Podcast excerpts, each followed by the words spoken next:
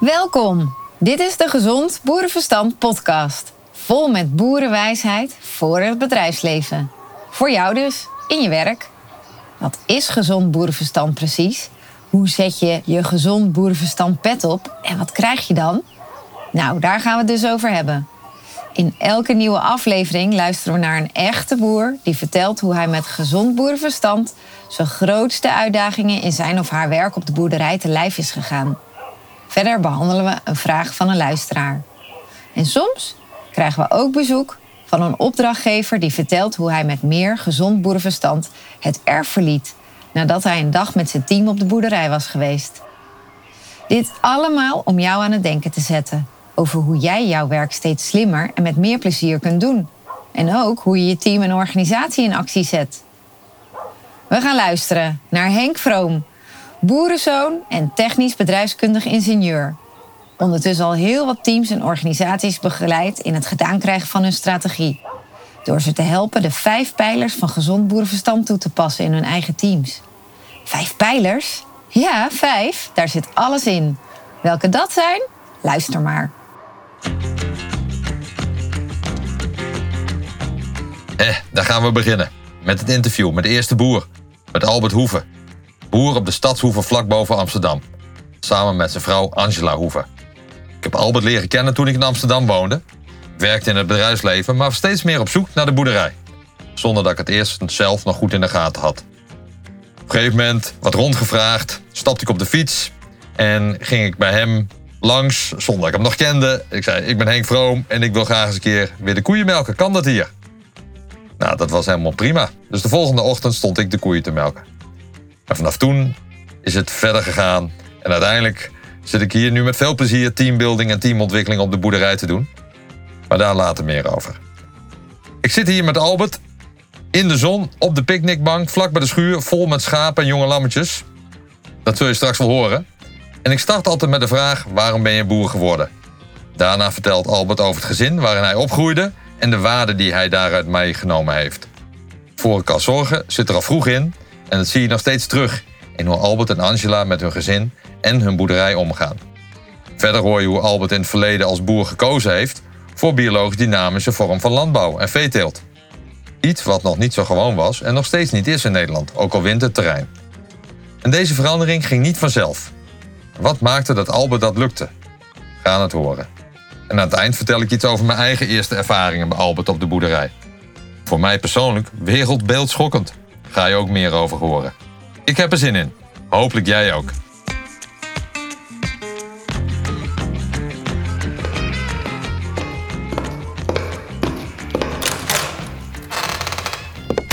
Hey, hey, daar ben ik dan. Waarom ben je boer geworden? dat is mooi. Ja. Ja, het was niet helemaal direct uit de passie. Het was uit de noodzaak, want eh, mijn vader die, eh, dat ging niet meer zo goed met het bedrijf. En eh, ik heb dat ja, jaren een beetje aangekeken en ik zag al mijn vader die had helemaal geen plezier in zijn werk. Dus ik heb me helemaal niet op het boer zijn gericht. Ik ben in de horeca gegaan. Maar ja, dat was het ook weer niet. Dus ik zat op een gegeven moment thuis en mijn vader die, die kon eigenlijk niet meer in. Toen zei ik, nou, ik neem het wel van je over. En toen begon ik er plezier in te krijgen. Ik dacht, dit is wel leuk. En dan mocht ik het ook helemaal zelf doen. Niet, niet aan het handje van mijn vader, maar mocht het zelf doen. Dus ik ben toen uh, opleiding gaan doen en boer geworden. Hey, en wat voor gezin kom je eigenlijk, Albert? Nou, een heel normaal gezin. vader, moeder en zus. En wel op een boerderij natuurlijk. Dus mijn oma woonde hier ook. En later ben ik hier ook gaan wonen. Maar uh, heel rustig, steady eh, gezin eigenlijk. Vader in de kerkenraad en mijn moeder uh, een plattelandsvrouw. En, ja, mijn moeder was wel, mijn moeder was wel redelijk vooruitstrevend. Want die, die, die, werkte toen dat ze verkering met mijn vader kreeg. En die had een rijbewijs, had ze. En, en dat was helemaal niet, niet normaal toen, die tijd. Eh, die vrouw, een vrouw moest achter de echt geen kinderen krijgen. Mijn moeder die werkte, maar is toch wel, dat mijn vader hier boer was, is, is ze toch uiteindelijk helemaal gestopt met werken. En echt voor ons, voor het gezin gaan zorgen. En dat het met mijn vader wat minder ging en wij wat ouder waren, is mijn moeder weer gaan werken. Nou, nou, nou ik denk na een jaar of uh, 15 of zo. Ja. ja, na een jaar of 15 is ze gaan werken. En uh, dat pikte ze zo weer op. En ze ging halve dagen werken. En mijn, mijn vader, het bedrijf, dat werd ook wat minder allemaal. Nou, op een gegeven moment verdiende mijn moeder veel meer als mijn vader. Met halve dagen werken. Dus en dat hebben ze gewoon gedaan tot, er, tot, wat is het, tot de 65 denk ik. Ja. ja. En uh, je zegt al, dat is eigenlijk best wel vooruitstrevend van je moeder. Wat, wat, wat, voor, wat voor normen en waarden heb jij nou meegekregen eigenlijk? He, zonder dat je erom vroeg misschien, maar gewoon omdat je dit opgroeide in dit gezin op deze plek. Nou, ik, ik doe me gewoon natuurlijk gek genoeg. Dat is wel een, uh, ja, dat, gewoon normaal doen. En uh, wel voor elkaar zorgen. Ja. ja, dat soort dingen. Mijn vader was niet heel erg um, een vader, zeg maar. Die was echt wel boer. En uh, mijn kinderen waren voor, voor mijn moeder. Dus uh, ik, trok erg, ik trok erg naar mijn moeder. Hmm. Veel minder naar mijn vader. In het volgende onderdeel ga je horen hoe Albert de overstap heeft gemaakt van een gangbare bedrijfsvoering naar een biologische bedrijfsvoering. Dat was aan de ene kant wel een logische stap, want er was meer in te verdienen. Tegelijkertijd ging Albert daarmee ook iets heel anders doen dan de meeste boeren om hem heen. Misschien herkenbaar voor jou in je werk.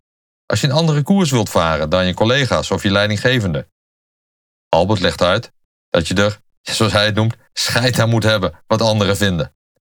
Dat is nog eens een duidelijke metafoor, passend bij gezond boerenverstand.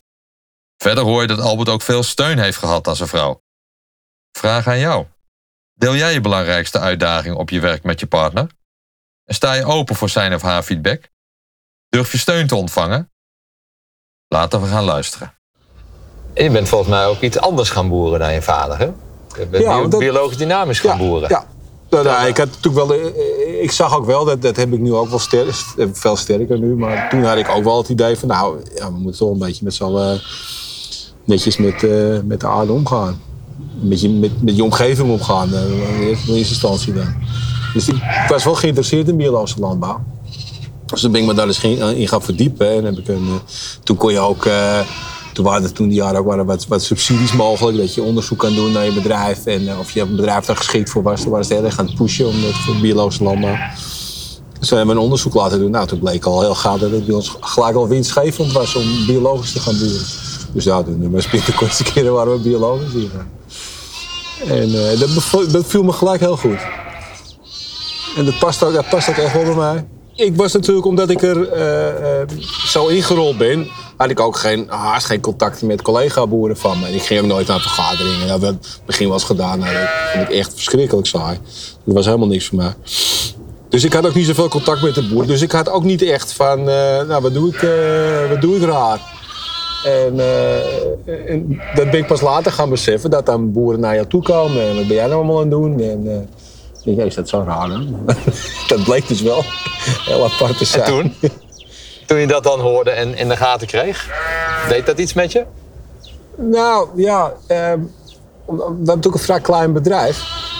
En ehm, ik had wel een beetje van, nou ja, eh, ik wou ook wel, ja, dat, dat denk ik wil iedereen wel een beetje. Gewoon, een beetje meedoen met de rest.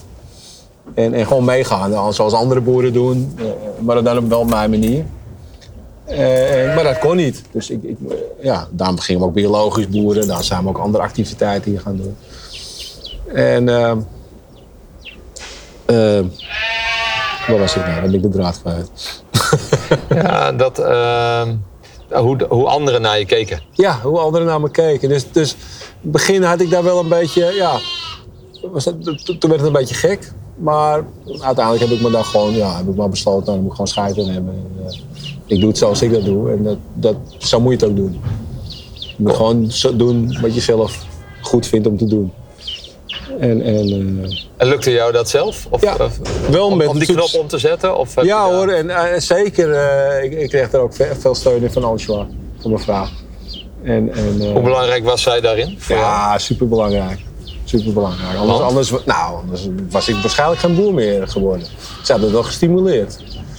Terwijl je om je heen ook wel ziet, eh, boeren die, nou ja, die erop mee zijn gehouden, ook, ook vanwege hun vrouw of een vriendin die ze toen kregen. Ja, omdat die dat zo minder zagen zitten, een boerderij. Want het is toch eh, hard werken voor, nou ja, hard werken voor je geld. Ja. Niet voor minder geld, maar om, ja. Mhm. Je bent wel de hele dag boer. Het is niet van 9 tot 5. Je liefdespartner als businesspartner. Albert laat zien dat het goed samen kan gaan. Sterker nog, dat zonder Angela's steun hij misschien niet eens meer in de boerenbusiness had gezeten. We gaan verder luisteren naar de verschillen tussen Albert en Angela en hoe die verschillen elkaar juist aanvullen en samen heel krachtig zijn. Was Angela eigenlijk gelijk een boerin? Voelde zij zich boerin? Nou, niet helemaal aan het begin, maar ja, ze voelde zich wel snel thuis hier. Ja, ja en ze wel gauw. Ze kwam, ja, wist er helemaal niks. Ze had alleen een, uh, een parkieter in thuis. Dus die wist helemaal niks van, uh, van dieren. En, en uh, ze, gauw, ze hebben ze gauw opgepikt. Maar het is geen echte boerin, Angela. Ze vindt allemaal wel leuk, maar ze... ze is goed, met die lammetjes en zo. En heel goed met, met de dingen die we organiseren hier. En, de PR en, en, contacten. Vooral contacten, heel belangrijk. Goede netwerker is het. Dat ken ik allemaal niet. En zo zijn er wel dingen tot stand gekomen. Ik, ben vaak, ik heb vaak ideeën. En die spuik ik dan. en dan ben ik ze vaak zo weer vergeten. En mijn handjes blijven aan de goede blijven hangen. En uh, uiteindelijk is het daar, ah, dat konden we wel eens gaan doen. Ja, jij bent dat gaat altijd goed. Jij bent de ideeënmachine. Ik ben, uh, ja, ik ben, en zij pakte de, de belangrijkste eruit juist. en zorgt dat ja, het gebeurt. Ja, ja, want als ik dat alleen had moeten doen, ja, dan hadden er veel meer dingen hier geweest. Maar ja, er was ook heel veel mislukt. De ideeënmachine naast de creator. Doet me denken aan de Disney-strategie. Wie kent Walt Disney niet? En het hele oeuvre en imperium dat vanuit hem is gegroeid. Walt Disney had al snel in de gaten dat de beste ideeën alleen in teamverband tot stand gebracht kunnen worden. Echter, als je niet oppast, worden goede ideeën niet gehoord of is het te veel kritiek, waardoor ze nooit echt goed tot stand worden gebracht. Ken je dat in je eigen team? Dat jouw of andermans ideeën niet het podium krijgen wat ze verdienen? Of juist andersom, dat er te veel ideeën in een te snel tempo opgepakt worden, maar met onvoldoende aandacht, waardoor ze niet echt het succes brengen wat je ervan verwacht. Binnen Disney is daarvoor de Disney-strategie bedacht, waarbij het creatieproces in drie delen werd opgeknipt. Je begint met de droomfase, vervolgens de realisatiefase en als laatste de kritiekfase. Als je als team achtereenvolgens die fase doorloopt, voorkom je dat goede ideeën de das omgedaan worden door kritiek. Kritiek is zinvol, maar niet aan het begin. Herken je daar iets van in je eigen vergaderingen? Je kan deze opdeling ook gebruiken bij het verdelen van de mensen over de verschillende rollen. Oftewel, sommige mensen zijn van nature nou eenmaal goed in dromen, anderen zijn de doeners, die willen realiseren, en weer anderen zijn vaak goed in het perfectioneren van ideeën. Dus komen met kritiek, waarmee ideeën nog meer aan waarde winnen. Iets om in je hoofd te onthouden dus, de Disney-strategie. Zo gek nog niet. Nu snel weer door naar Albert, want in het volgende deel van het interview vertelt Albert over hoe zij als tweede boerderij in Nederland een crèche ontwikkelde op het erf. Over hoe belangrijk het is om de juiste mensen daarvoor tegen het lijf te lopen. En over dat hij ook van tevoren niet had kunnen overzien dat het zo groot zou worden. Meer kinderen dan koeien. Over klein denken terwijl je eigenlijk groter moet denken. Maar gelukkig is het allemaal goed gekomen. Kom, we gaan luisteren. Het is ook wel een bijzondere boerderij hè, waar we hier zitten. Uh, dus biologisch dynamisch. Uh, maar er is ook een crash, dus een BSO, eh, trouwlocatie, schoolklassen komen hier, lammetjesdagen, nou, noem maar op. Zijn dat de ideeën van jou? lammetjesdagen van mijn moeder, grappig. de, de opvang wel, die zegt, dat komt echt bij mij vandaan. Ja, die werkte in de opvang en die kwam vaak met kinderen hier uh, van haar opvang op de boerderij. En op een gegeven moment dacht ik, nou, het zou hartstikke leuk zijn om hier een opvang te maken. Waarom dacht je dat? Ja, dat, leek me leuk. En waarom leek het je leuk? Uh, nou, ook, ook ik, het leek me een leuk idee. Het is voor, voor, de, voor de kinderen is dat heel leuk. Maar ik zag ook een, een, een, eh, een verdienmodel, zeg maar. En uh, nou, dat heb ik altijd al laten uitwerken. in contacten laten leggen en ja, zo is dat uh, van start gegaan. En, en, er kwamen meer dingen tegelijk. We, we zijn toen ook uitgekozen als uh, educatieboerderij vanuit uh, agrarisch, agrarisch studie Waterland. Waterland in Dijk heet dat niet. En dus dat was een mooie combi. Dan konden we een ruimte maken waar je dus overdag uh, schoolklassen zou kunnen ontvangen. En na schooltijd een BSO voor de, voor de kinderen. Het was ook de eerste opzet. Maar die zo gauw, gauw laten varen. Want de schoolklassen vonden het veel leuker om eh, in, in de stal in de kring van Ballenstro te gaan zitten. In plaats van een heel lokaal. Dus dan konden we dat lokaal mooi gebruiken. Gewoon als kinderopvang. En, eh, van 0 tot 4. Nou ja, zo is het allemaal een beetje gaan lopen. En, je- en jullie waren daar, heb ik wel van jou eens gehoord, best eh, ook weer vooruitstrevend in. Eh, Als een van de eerste in Nederland. Ja, we waren de tweede in Nederland. Dus we hadden al ge- gehoord van een bedrijf die dat deed op een boerderij. Dus we wisten dat het mogelijk was. Maar ja, je moet nog wel de, de gemeente zien te overtuigen dat je een, eh, kinderopvang op een boerderij doet. En je moet geen tegen de juiste mensen lopen. Dat hadden we gelukkig wel. We liepen toen tegen een, eh, een directeur van de stichting, eh, de SK1 heette dat. Cor Schuurman was de directeur. En die liep eigenlijk met hetzelfde idee rond. Van ik wil een, eh, een kinderopvang eh, op een boerderij eh, gaan doen. Ja, die moeten elkaar net even vinden. En eh, gelukkig hebben we elkaar gevonden. En eh, toen ging het hard. Dat was wel mooi. Eh, samen met hij dat toen, eh, hebben ze dat toen op poten gezet. En, eh, en we hadden wel heel snel door van, nou, we moeten wel samenwerken met die man. En, eh, en niet zelf gaan, eh, gaan doen. Dat kan ook. Maar er gaat zoveel tijd in zitten. Dat moet je ook leuk vinden. Het is op zich, als dat eenmaal draait, is het heel saai werk. Dus, ja. Dus dat, dat hebben we, nou, ik denk dat we dat wel goed hebben gedaan. En dat is nu, ja, dat is nogal wat geworden natuurlijk. Er lopen er eh, zo'n beetje honderden kinderen hier, eh, honderd kinderen hier rond. Het bijzonder, hè? Ja, ja. Meer, kin- meer kinderen als koeien. Had je dat van tevoren bedacht? Nee. Nee. Je denkt kleiner en het kan steeds groter. Ja, net zoals met koeien, dat gaat natuurlijk ook allemaal steeds groter. Ja, alleen bij ons niet. En, en bij jullie niet? Is, is dat een bewuste keuze? Uiteindelijk wel, ja. ja. Toen we zagen van, nou, we kunnen eigenlijk prima ons geld verdienen met schoolklas ontvangen en de, nou, zeg maar de huur die de kinderopvang eh, oplevert. Toen hadden we ook zoiets, nou, we hoeven niet eh, heel veel geld te gaan steken in het aankopen van, eh van quotum of eh, van, eh, of van land. Dus we hebben dat zo gelaten. In het volgende deel vertelt Albert over zijn geheim, hoe hij zich niet gek laat maken door al die verschillende activiteiten die tegelijkertijd op zijn boerderij plaatsvinden. Soms letterlijk met heel veel mensen die allemaal tegelijk op de boerderij komen, zoals bijvoorbeeld met de lammetjesdagen. Ook hier weer het verschil tussen Albert en Angela, wat de juiste combi maakt voor dit soort pieksituaties. Over, het wordt vanzelf weer vier uur. En je krijgt mij niet zo gauw gek. Al die Eh. takken die, die zitten hier op dat erf. Hoe, hoe manage je dat? Want dat, dat gaat allemaal tegelijkertijd, of niet? Hoe doe je dat? Ja, nou ja, ik heb natuurlijk een hele goede vrouw erbij. en ik kan me ook heel goed terugtrekken als ik denk, nou, dit wordt een gek huis. Dan ga ik eh, koeienmelk. ik heb ook geleerd, dat is ook heel leuk. We hebben wel eens met zo'n lammetjesdag. En vooral Angela, je zijn erg zenuwachtig. Eh, en, oh, gaat het allemaal goed? En ik, hoeveel mensen komen er nog niet? Dan kunnen we het allemaal wel aan. En dan, ja, moment gaan we gewoon beginnen. Dan zeg je ook, ja, ik zeg Angela, het wordt vanzelf om vier uur. En dan is iedereen weer en daartussen, ja, tussen 11 en en 4, dan is het even gekhuis. Ja, je weet dat het geen moment weg is. En dan zien we wel. En eigenlijk gaat het altijd goed. En ik heb wel die inslag. En dat, ja, dat maakt het wel makkelijk. Zijn we de boer die zijn kop niet gek laat maken? Ja, nee, je krijgt maar niet zo graag gek naar. Nee. Ik ga nu met Albert in gesprek over de teams die naar de boerderij komen voor teambuilding en teamcoaching. Albert begint meteen met te zeggen dat ze eigenlijk van toeten nog blazen weten. Precies de reden ook waarom het zo succesvol is.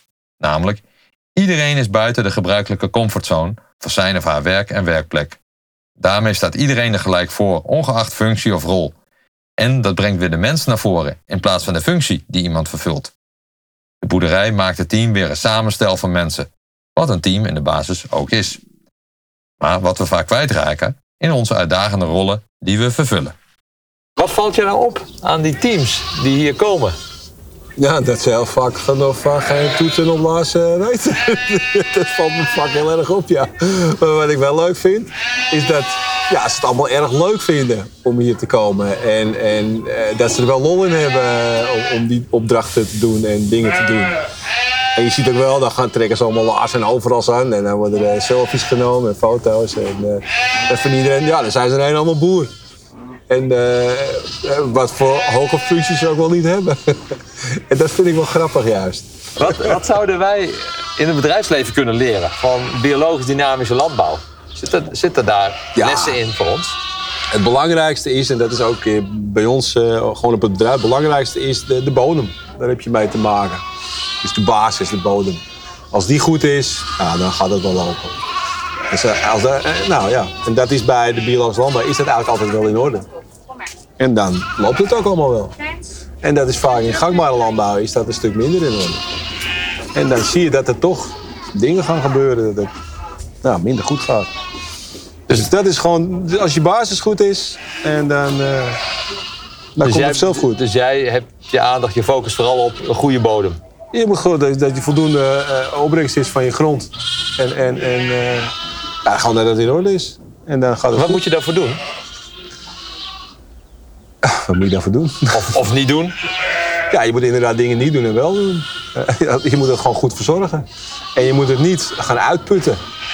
Eh, eh, als jij veel kunstmest gaat gebruiken, flink gaat bemesten, eh, zodat zodat het eigenlijk de mest uitspoelt. En, en, en dat de grond, grond wordt lui dan. Hè? Als je dus, dus heel veel kunstmest strooit, bestrijdingsmiddelen, dan, dan wordt de grond heel lui. Want dan doen de bemesting en, en de, de kunstmest die gaan eigenlijk het, het werk doen. En, en als je dat niet doet, dan moet de bodem ineens actief worden. En dan moet die het werk gaan doen om de Wat, wat opbrengst te gebeurt er dan in die bodem? Wat, wat is een actieve Ja, bodem? daar, daar zit er veel meer leven in, in de bodem. Dus dat, je krijgt meer wormen in, je- in je grond. eh, een goed, goed bewortelde eh graszoden. eh.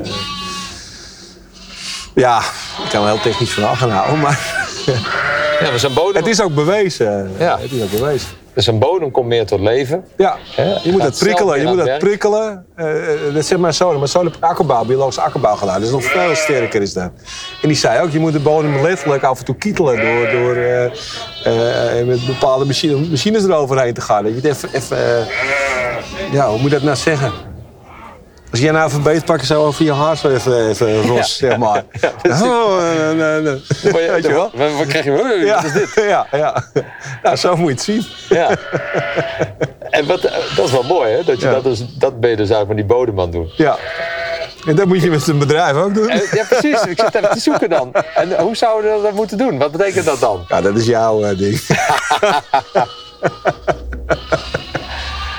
De basis moet goed zijn. Het moet niet van boven. Nou, ik denk dat het is als je het van boven alles opgelegd krijgt, dat er ergens een piramide hebt en van boven op. En dat, dat dwarrelt het naar beneden, maar dat komt niet helemaal door de bodem vaak. Ik denk dat het daar, eh, dat het daar vaak misgaat. Jongen, dat is toch interessant zeg? De bodem als basis.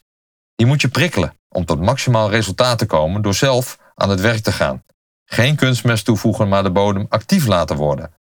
Wormen, dat soort leven, meer leven in de bodem. In de bodem zie ik de metafoor met de cultuur van een organisatie of team. Oftewel, alle geschreven en ongeschreven gedragsregels en gedragingen binnen een groep. Als die in de basis goed is, kan de groep veel aan. En, zoals Albert zegt, niet van bovenaf te veel doordrukken, want dat zijpelt toch niet naar beneden door. Daar gaat het vaak mis. In het volgende deel gaat Albert hierop door. Hij vertelt dat we in het bedrijfsleven mensen de ruimte moeten geven om te ontdekken wat ze graag doen en waar ze goed in zijn.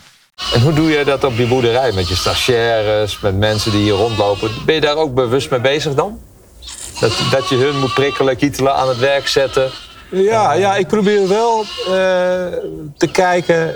eh, dus dat ze een gegeven moment, een paar keer doe je dat voor. En dan hoop ik dat ze het gegeven moment zelf oppakken. En ze maken ook allemaal foutjes. En, en, eh, en, en, eh, maar uiteindelijk, wat ik, wat ik zie. Eh, Ik heb ook wel jongens hier lopen met een vrij laag niveau. Dat ze uiteindelijk toch hun eigen ding vinden waar ze goed in zijn. En, en eh, dan laat ik ze dan ook vooral doen. En, ik probeer wel dingen aan te leren waar, waar, waar ze minder goed in zijn. Maar soms merk je dat dat gewoon niet gaat.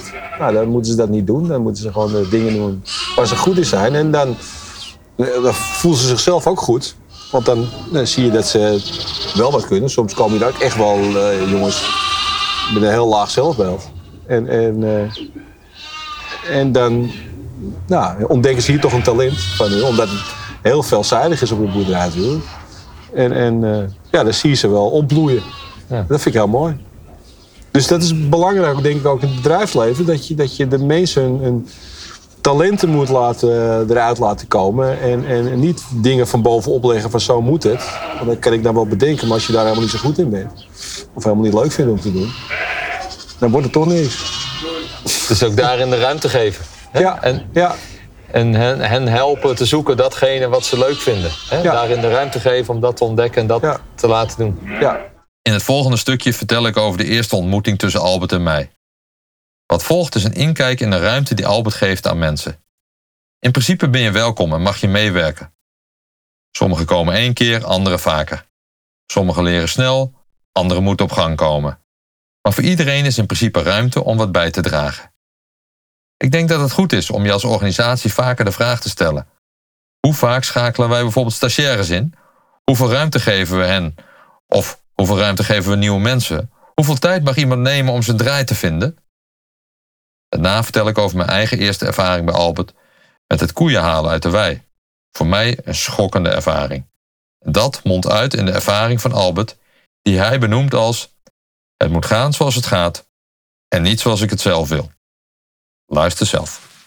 Toen ik met jou eh, de koeien ging halen in het begin, kan ik me nog goed herinneren dat er op een gegeven moment de koe die liep wat achter. Die ging niet zo snel als de kudde. Toen had ik de neiging om hem op te gaan jagen.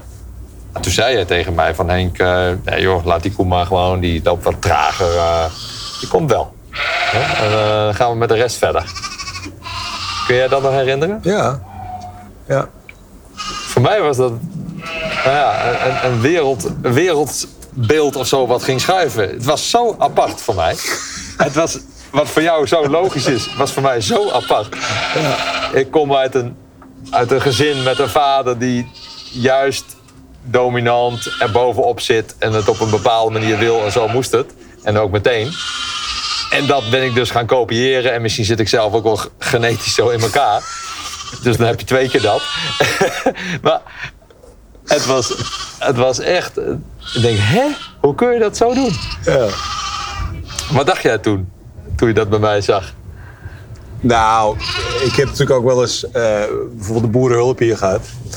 En dat is ook gelijk pap, pap, pap en uh, koeien halen. En dan zie je allemaal koeien briezelende neuzen in de stal staan. Lopen ze achteruit te jagen. Nou, je loopt jezelf te stressen, de koeien lopen te stressen. En dan schiet je niet meer, niks meer op. En die koe die, die zo traag was, ja, die ging al echt niet harder lopen hoor. Dan loop je erop te meppen en uh, nou, dat is niks. Dus dan moet je op een gegeven moment, dat heb ik zelf ook wel geleerd hoor. Denk, oh ja, dus dat ik jong was had ik dat ook. Huppakee, die koeien naar voren. En, en nou, dat, op een gegeven moment merk je al van, nou, dit is eigenlijk helemaal niet handig als ik dat zo doe.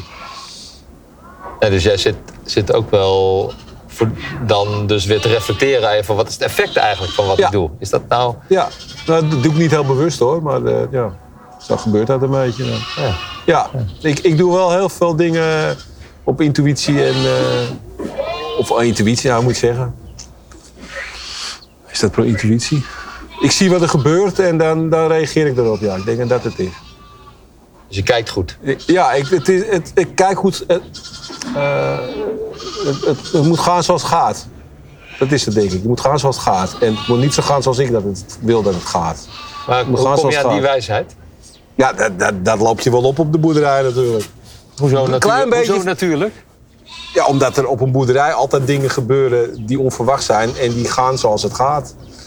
En soms kun je er wel, daar moet ik ook een beetje mee oppassen hoor. Dat ik daar niet te makkelijk in word. Van oh ja, nou het gaat zoals het gaat. je kan soms ook dingen bijsturen. Daar heb ik ook wel een handje van. Maar is het op een boerderij uh, vaker zo? Uh, vaker dan in het bedrijfsleven? Dat, dat je dingen niet ah, zo kunt sturen? Dat, dat weet ik niet natuurlijk, maar in de, op een bedrijfsleven gaan ook dingen natuurlijk alleen uh, heel anders. Kunnen ook dingen anders gaan zoals het gaat.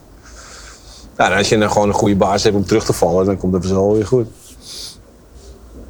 Dat is hier ook zo. Uiteindelijk komt het wel weer goed. Maar soms moet het maar zo gaan.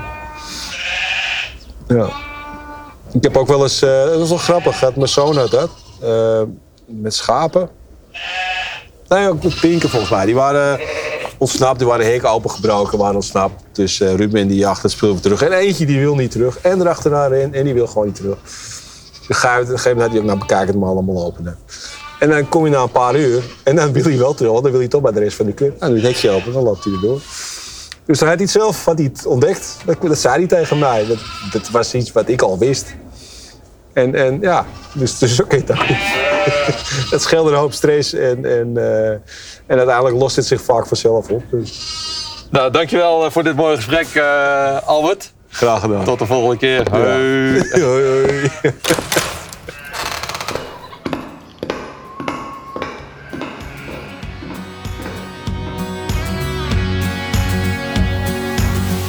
Voor het luisteren naar de podcast van Gezond Boerenverstand. Vol met boerenwijsheid voor het bedrijfsleven. Mocht je dit nou een leuke of interessante podcast vinden en denken aan mensen die er baat bij zouden kunnen hebben, stuur hem dan vooral door of like hem. Of neem een kijkje op onze website gezondboerenverstand.com. Ons advies: zet eens wat vaker je gezond boerenverstand pet op. En wees vooral benieuwd naar het verschil dat je daarmee gaat maken. Veel succes en tot de volgende keer!